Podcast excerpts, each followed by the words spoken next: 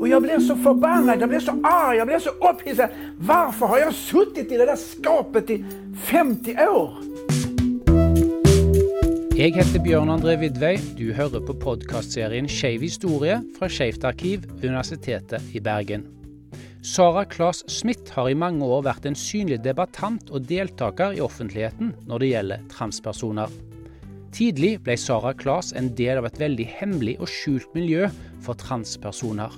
På spørsmålet om Sara Klas føler seg som en mann eller som en kvinne, er svaret jeg vet ikke. Må jeg velge? Ja, jag har ju varit igång ett tag. Ja. Ja, jag öppnade upp 2003. Och då jobbade jag som marknadschef på ett ställe i Malmö som heter Slakthuset som är nöjes och konferensanlägg. Teater, restaurang, nattklubb, konferenser. Vi satte upp musikaler, jag producerade musikaler, krogshower, allt möjligt. Så var jag väldigt känd. Vi hade, tror jag, till och med Skandinaviens största nattklubb. Och när jag då öppnade upp som trans så blev det Åh, Malmös nöjeskung, jag är transvestit. Det var liksom väldigt stort. Och det var väldigt många som ville höra min historia. De visste ju att, att vad jag var för en typ av människa. Som, som jag hade ju väldigt mycket synpunkter på olika ting. Och nu är han i tillägg transperson. Vad är detta för något? Och då helt plötsligt blev det ju väldigt respekt på detta. Och man ville höra, alltså, vad är det, vad händer, vad, vad sker? Och folk sa liksom, ja, Ja, jag har ju aldrig vetat men när du ser det så förstår jag att det, det måste vara så. Alltså, så att min bild av, av eh, hur jag följde det, den blev väldigt tydlig. Och så fick jag möjlighet att snacka mer och mer. Jag var med i Rotary och fick jag snacka där och sen så snackade jag där och så blev det mer och mer och mer och mer. Och sen så började de stora talarförmedlingarna höra av sig. Och så eh, fick jag föreläsningar runt om så sen har det blivit mycket. Och så hamnade jag i Norge. På, för jag, jag var på en transträff i Norge eh, det var för jag var offentlig. Det var 1998. Vad blir det på norska? Det blir, det blir samma, 1998. Då var jag på en transträff här Jag hade sett ett tv-program om, eh, vad hette hon, Ordal, vad hette hon, någonting. Eh, som hade en bli ny-kurs på Karl Johan i Oslo. Man kunde lära sig hur kvinnor går, sitter, står och sminkar liksom. Åh, det måste jag gå på, jag måste gå på det. Och så var jag där och eh, fick lära mig sminka och fick en väldig trygghet. Och det var också första gången som jag torde gå ut på byn alene när vi hade varit där och var på väg tillbaka. Vi bodde på, jag tror det hette Hotell Norlandia som ligger bakom slottet där uppe någonstans. Och sen så kände jag, nu vet jag precis, jag fick sån trygghet i mig. Så nu skulle jag gå helt alene för första gången runt i byn. Det var ju inte Malmö så det var helt okej okay på något sätt. Och så var det en lördagkväll och när jag då går där alldeles ensam, nu ska jag ut och shoppa, nu ska jag, så var allting lucket. Det var liksom, hallå, vad, vad hände med Oslo? Nu ska jag ut och göra byn. Och så nej. Så jag hamnade, så tänkte jag, ja, ja, där, var, där lyser det där borta. Och så gick jag in där, det var en, en kino, kino, biograf så. Men eh, nej, jag ville inte sitta där i mörkret. Vad var meningen med att gå på bli ny-kurs och sitta in i mörkret i en biograf? Nej, det var inte mig. Jag måste gå någon annanstans. Och så gick jag ut igen och så kom det en, en spårvagn, trick eller vad som, man? Som, ja. Ja, men då går jag på den. Och så åkte jag ett tag och så här plötsligt ser jag en skylt där det står shoppingcenter eller någonting sånt där. Och det var öppet! Ja! Så ut ur spårvagnen, in och shoppa och där var jag runt och prövade kläder och allt möjligt sånt där. Och sen upptäckte jag, oj, klockan börjar bli närmare sju. Vi skulle ju spisa klockan sju, men jag vet inte var jag är någonstans. Så jag går ut och liksom, var i hela denna byn är jag någonstans? Och så tar en taxi. Men taxin visste ju var det här hotellet ligger, så jag åkte dit och kommer in och de säger bara, var har du varit? Du skiner som en sol. Jag var så uppfylld av vad jag hade upplevt. Jag hade ju på något sätt utfodrat mig själv. Och det här var ju första gången jag var ute på byn alene. Vid ett tillfälle tidigare, jag tror det var samma år, så hade jag varit ute i dagslys för första gången. Men då var jag tillsammans med andra. Och jag hade varit i Örebro. Och jag var så nervös. Och jag kunde inte sova på hela natten. Imorgon ska vi åka in till byn. Vi var utanför byn, utanför Örebro i en liten by som hette, eller land, landsby som hette Porla. Vi ska in till Örebro. Och vi ska gå till Kajsavaris hus som är ett sånt eh, utställningsområde med gamla hus och så. Och vi kommer dit och vi går ut ur bilen och kommer in. Och det tar inte mer än ett par minuter så vet ju alla vilka vi är. Men vet du vad som sker? Ingenting. Och jag blir så förbannad, jag blir så arg, jag blir så upphissad. Varför har jag suttit i det där skapet i 50 år? Varför har aldrig någon sagt, det är väl ingen som bryr sig hur du klär dig? Hallå? Varför? Alla har bara sagt hela tiden, nej du kan inte göra sånt och förtäll ingen och gör inget och, och de likar inte sådana. Jag hade ju fått veta att jag passar inte in. Jag fungerar. Och så går jag ut och så sker det ingenting. Och, liksom, och så kommer jag tillbaks till det där stället igen. Nu är jag i Sverige, nu är jag inte längre då. Och så säger jag till hallå, hallå, hallå, vi har varit ute på byn. Shh, nu ska vi se en film om transpersoners problematik i Amerika. Jag menar, jag menar alltså, hallå, där är ingen problematik. Vi var precis ute på byn och det skedde ingenting. Filmen har begynt, dämpa ner dig, tyst. Och där satt jag och vad ska jag göra med denna euforiska känsla? Och nu hade jag samma känsla när jag kommer tillbaks till hotellet här på eh, eh, i Oslo. Och liksom de skulle spisa, de sitter nere i källaren där, och en massa oh, mummel, mummel, mummel, oh, mummel, mummel. Och jag var liksom uppfylld av varför sitter vi här nere? Varför sitter, varför sitter vi inte i, i den finaste restaurangen på det flottaste hotellet? Varför sitter vi i källaren? Alltså jag, jag förstod ingenting. Plötsligt vände sig hela min värld bara rätt om. Och sen sa jag, nu, nu, nu klarar jag inte att sitta längre här i denna, jag måste ut. Men det tog fortsatt fem år.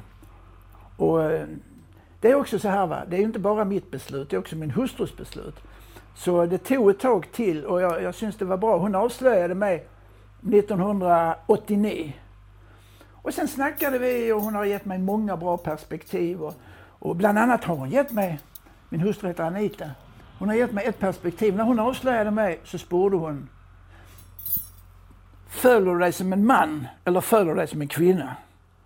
Och så sa jag, jag vet inte, jag har aldrig kunnat välja. Ja, men måste du välja? Är du nött till att välja? Kan du inte välja och icke välja? What? Ja, men du kan väl bara vara ett människa? Kan man det? Ja, men vi prövar. Och det var 1989 och vi är fortsatt gifta. Och vi älskar varandra fortsatt. Men denna födelsen att jag är inte nött till att välja. Jag kan bara vara mig själv. Och det gör ju att jag är ju väldigt stark, för jag, jag är inte nött till, jag behöver inte förändra rösten, jag behöver inte förändra någonting på kroppen, jag behöver, jag kan bara vara mig själv. Jag vill inte vara kvinna, jag vill bara inte vara man. Alltså, människa passar mig alldeles utmärkt. Och det är så praktiskt. Och ibland klär jag mig så här, så. Ibland klär jag mig i mannekläder. Och, och jag finns i bägge utgåvorna, så att det är liksom ingenting som är hemligt det får ju bli som det blir. Liksom. Och jag är uppfostrad man. Och eh, det är inte så att jag prövar att vara kvinna, jag, jag prövar bara att vara människa. Mm.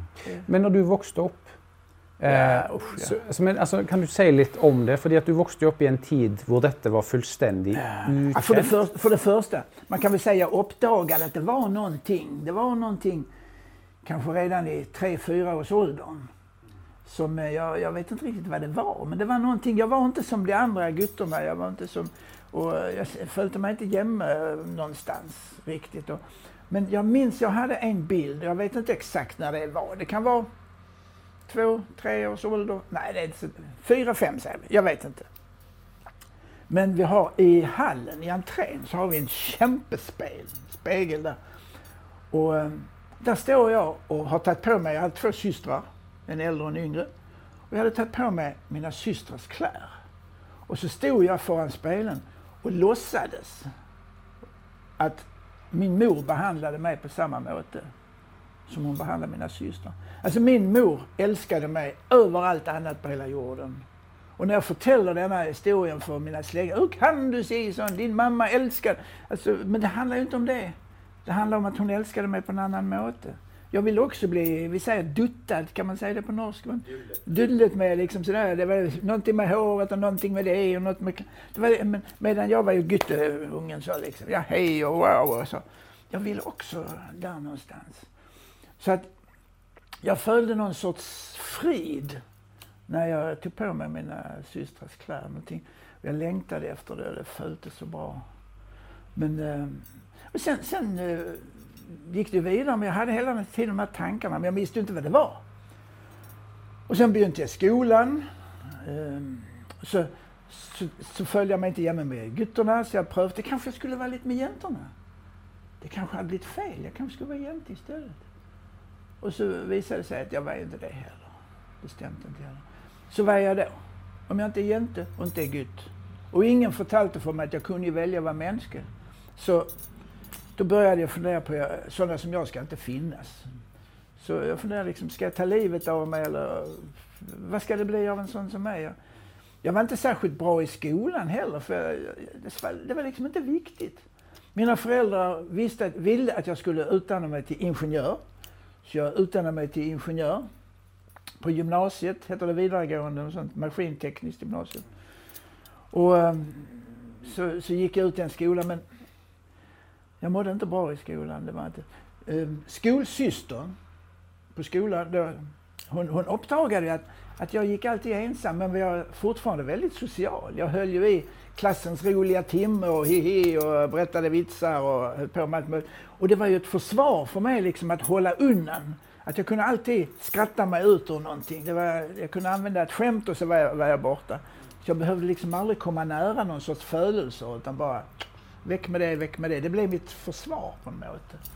Men det, det som, sen, så var det då ju med, med skolsköterskan, men hon, hon, det fanns ju ingen som snackade trans. Inte hemma, inte i skolan, inte i kyrkan, inte i TV och internet fanns inte. Och, liksom, så det var, och jag trodde ju inte se något. För jag visste ju inte om jag var den enaste i hela världen. Vad skulle de tro om det? Så hon visste ju inte vad hon skulle spöra. Hon trodde att det var problemet att jag inte hade några vänner. Så hon förde ihop mig med andra ensamma gutter. Men jag ville ju hellre vara alene med mina tankar och mina problem. Alltså. Jag hade ju inte problem att, att skaffa bekanta, men jag ville liksom inte ha dem. Jag, jag, jag ville inte umgås med dem. Jag, de var inte som jag ville. Så det blev att jag gick ensam. Och sen hamnade jag i, efter skolan så eh, hamnade jag i, jag gick på, jag blev, jag blev årets bästa soldat. När, när jag gjorde, lumpen heter det på svenska, när jag gjorde militärtjänst.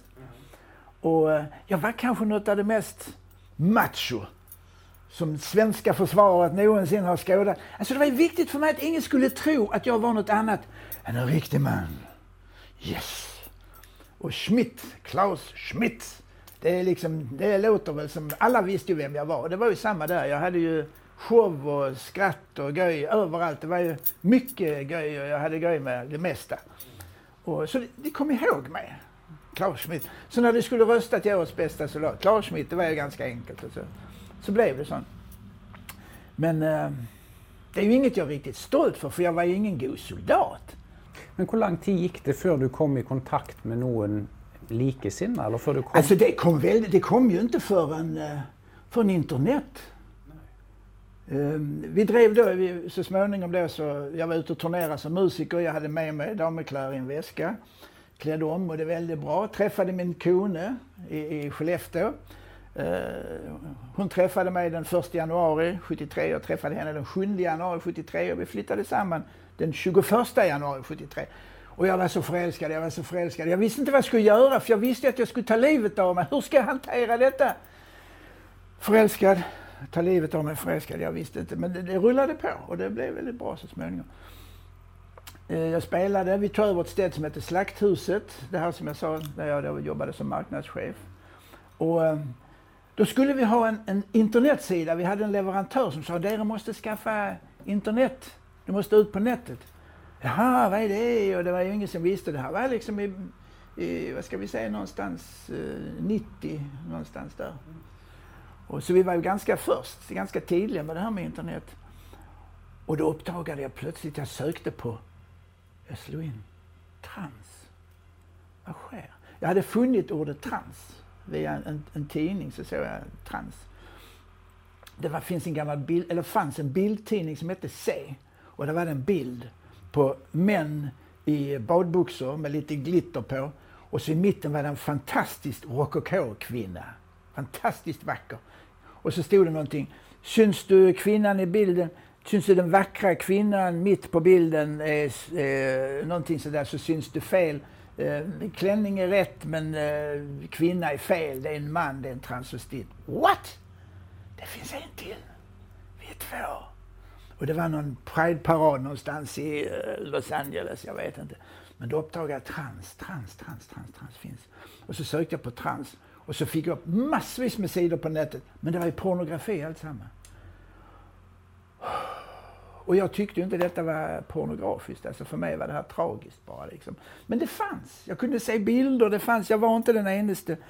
Men eh, det fanns tydligen i pornografibranschen. Och då tog jag ju igen inte förtälla någon att jag är lite pornografisk. Ja. nej, det var inte bra. Så begynte jag göra min egen hemsida. Han lärde mig då jag skulle göra den här leverantören, jag skulle göra en hemsida för Slakthuset och sån och sån och sån. Och jag tänkte jag gör en likadan för Sara också, så gjorde jag en sån. Och jag hade ju ingen aning om att när jag gör den så ligger den ute på nätet. Jag, jag körde liksom, visste ingenting. Så plötsligt så kunde jag se att jag hade massvis med tittare på mina sidor. Och där ligger jag med bild och allt möjligt. Jag, liksom, vad är detta? Det var folk i Japan och det var folk överallt. Och när det hade gått ett år eller någonting sånt där så hade, så hade jag liksom en miljon tittare på den där sidan. Och då fick jag veta när jag sa, du en miljon, hur mycket är det? Ja, det är inte så mycket för det går ju in på många sidor så det är kanske, det är kanske ett par hundratusen. Det är väl mycket med ett par hundratusen. Alltså, här har jag en övningssajt och sedan, för det var sån, sån sult efter det här kan jag tänka mig. Och så började jag leta och så tänkte jag, oh, jag kan inte släppa ut min sida, jag har ju ingen pornografi. Ja, men det är ju därför jag ska lägga ut den ju. Jag var tvungen att tänka där liksom. Ja, men då lägger jag ut den. Den enaste sidan om trans i hela nätet som inte handlar om pornografi. Och där begynte min sida då. Och sen har jag utvecklat den. Så, så nu har jag inte gjort den själv. Nu har jag låtit någon annan göra den. Men egentligen kom kontakten med andra. Den kom ju i och med att min hustru avslöjade mig.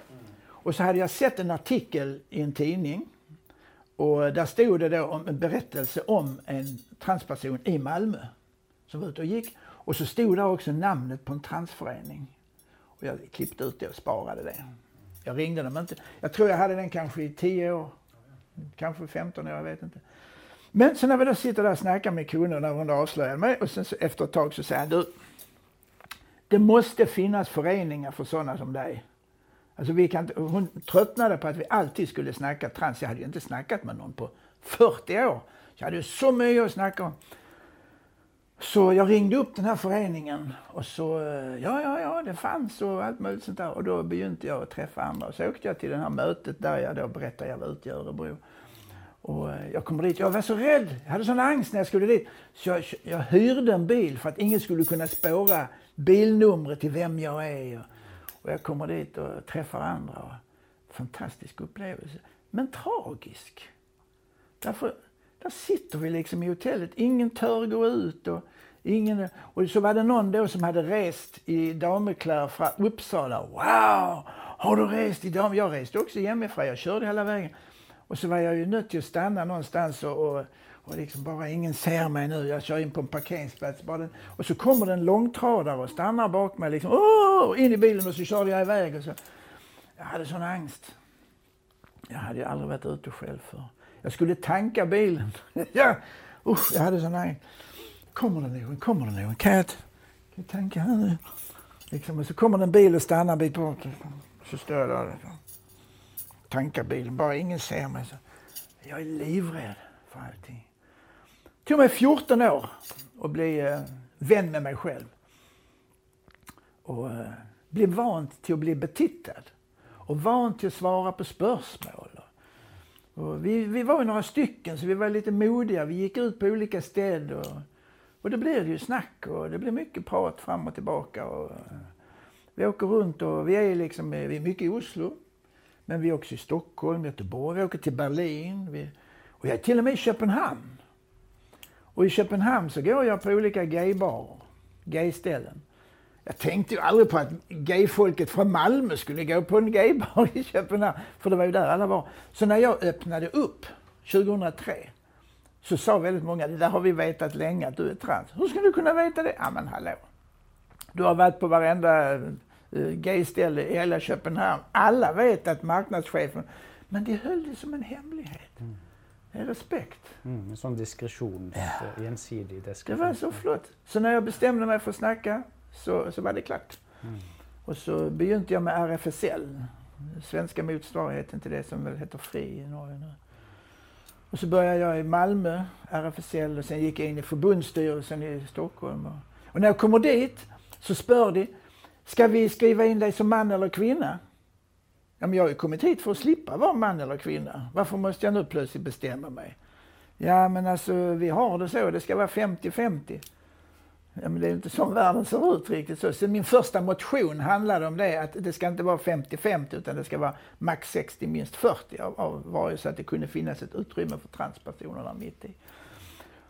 Och sen så uppstod ju det här, då, då kallade jag mig, då hade jag namnet Sara. Jag var ju nödd till att ta ett namn när jag gick in i transföreningen. Jag kunde inte bli medlem där som Klas. Nu kan man det, men då kunde man inte det. Så äh, sitter min kone och jag där och tittar i Bibeln. Sara? Känner vi någon som heter Sara? Nej. Ja, men då kan vi ta det. Ta Sara. Det blir bra. Och så skulle jag ha ett efternamn också. vad ska jag ta som efternamn? Sara Malmö? Nej. Lund ligger bara 30 kilometer från... Sara Lund, ja. Det kunde blivit Sara Lillehammar, men det, ja. nu, nu, nu var det ju där, så då fick det bli det. Så Sara Lund. Men så kom jag då där på RFSL, då, på dem, och så, så sa de... Eh, så, är det någon som har sett Klas?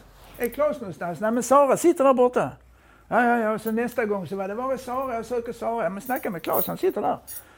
Så då var det någon som tröttnade på det där med Klas eller Sara. Sara. Så det begynte att kalla mig Sara-Klas. Det, det likar jag. Jag syns det är ett gott namn, Sara-Klas. Jag, har inte, jag har inte registrerat det, men eh, det är ganska nära. Det är inte omöjligt att jag gör det. Jag, jag liker det, Sara-Klas. Mm. Men när du, ehm, eh, med allt det du har gjort och din du har synlighet så har du liksom varit en sån posterkvinna för liksom mm. detta. Då.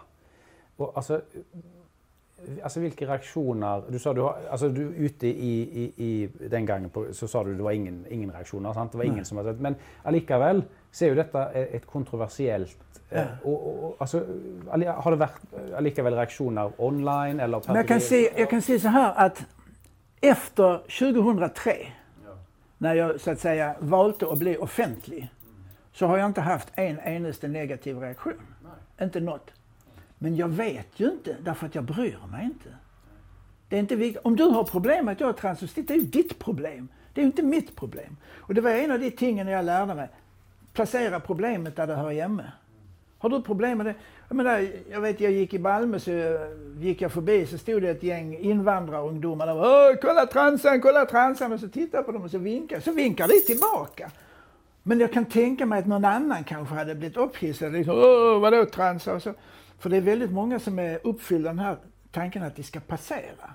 Och det blir ju ett problem. Men eftersom jag har tagit väck hela det problemet. Jag är man, eller åtminstone biologisk man att mitt mentala kön kanske inte är precis man. Men jag är uppfostrad man och jag är biologisk man och jag har en mannekropp och liksom... Där, jag, jag ljuger inte, jag döljer ingenting, jag försöker inte låtsas någonting jag inte är. Jag bara är jag hela tiden.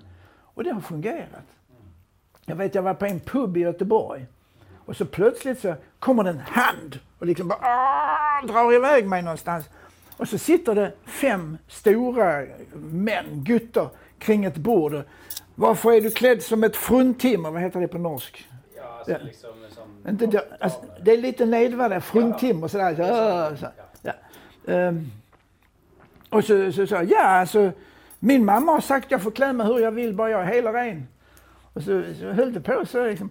Ja men alltså, och så, så, så var det lite nedvärderande. Jag märkte liksom, de sitter där så jag står, vid, jag står liksom vid bordskanten så sitter de fem stycken runt så, så står jag där på kortsidan.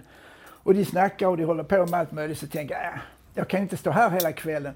Så jag ser till han som hade hämtat mig. Liksom, eh, men skulle du våga? Törre, säger man Skulle du törre och klä dig sån här? Jag skulle inte vilja, säger han. Det var inte det jag sa. Skulle du våga? Det är ju en utfordring till ledaren för ett gäng. Och precis då så är det han som sitter här på kortsidan, han säger till honom, du hade behövt en bh. Han var ganska stor och kraftig, så han hade faktiskt stora bröst. Och då, då följde han ju att nu måste jag ju, enten säger jag ja, så blir jag kanske utfodrad att göra det. Och säger jag nej, så kan jag inte fortsätta som ledare. Så han satt lite, så reser han sig upp. Och jag tänker, Jesus, vad är det som ska ske nu liksom? Och så kommer han fram till mig och så dunkar han mig på axeln. Du är bra, säger han. Så jag, ja, men bli inte för närgången nu bara. Är det okej okay om jag går tillbaks till mina vänner här, de, har, de firar födelsedag eller bordsdag idag? Så jag, Eh, men det är liksom det närmaste jag har varit. Men så länge jag är på städ där det går att snacka så klarar jag mig. Men om jag går på till exempel en nattklubb där det är hög volym så, så kan det bli lite pinligt för att det kan jag inte göra mycket. Jag vet att jag har varit på någon dansrestaurang och så kommer det en man och bjuder upp och så säger Är du säker på det? Ja men vi kanske ska ta en drink istället. Ja så går vi ta en drink och så, så blir det lite snack om ja men eh, varför är du klädd sånt och vad innebär detta? Och, och eh, är du man eller kvinna? Och då brukar jag svara människa. Var kommer du från? Jorden. Det är liksom, vad va, vad ska de göra med informationen? Det, det är det jag hela tiden funderar på. Varför vill du veta? Jag har klätt mig jättefint idag, jag har gjort vid håret, jag har sminkat mig och det enda du vill veta är hur jag ser ut mellan benen. Är det inte lite lav nivå? Kan vi inte höja nivån lite och så titta lite hur jag ser ut mellan öronen istället? Och så blir det liksom snack. Ja, men jag jobbar som marknadschef och jag liksom så. Och så klädd så. Ja, men alltså hallå, det är väl inte kläderna som handlar om. Det handlar ju om mellan hodet, eller öronen, förlåt. Så, så jag har liksom höjt upp nivån hela tiden när jag har försökt att snacka. Och, liksom, och det har varit ganska göj. Och eftersom jag har övat på humor i hela mitt liv för att komma undan så är det ju idag mitt starkaste vapen. Men jeg tenker mange, mange av dine eh, eh, tenker sikkert òg hvordan i all verden altså, Klarer du å få den styrken? Fordi dette er jo en, en, en, fremdeles mange som føler at de er liksom skremt og livredd for mm. å vise. Og spør deg liksom, hvordan i verden finner du den styrken til å være så åpen og så direkte og være Jag vet inte. Mm. Det är ju naturligtvis en överlevnadsstrategi också ju. Som man säger, anfall är bästa försvar. Att jag, jag går alltid på. Men till exempel när jag kommer till ett nytt ställe så är det liksom alltid, hallå! Så, så är det liksom, hej, Klas! Mm. Alltså det, det, är liksom inte, hej jag heter Sara Klas, jag ska föreläsa. Så! Så att ingen ska behöva vara osäker på vad är det som pågår här. Och så att jag vill ju skapa en trygghet i, i min omgivning. Att jag klär mig så här. Det är för att jag ska må bra, inte för att du ska må dåligt. Och därför så vill jag göra vad jag kan för att du ska må bra i mitt sällskap. Och inte liksom, hur ska jag nu, ska jag säga hon eller han eller ska jag liksom, ska jag, kan jag, utan jag är väldigt tydlig. Du har nu hört en podcast från Skeivt arkiv. Husk å abonnere for å få med deg alle episodene. Du finner oss òg på Facebook eller skeivtarkiv.no.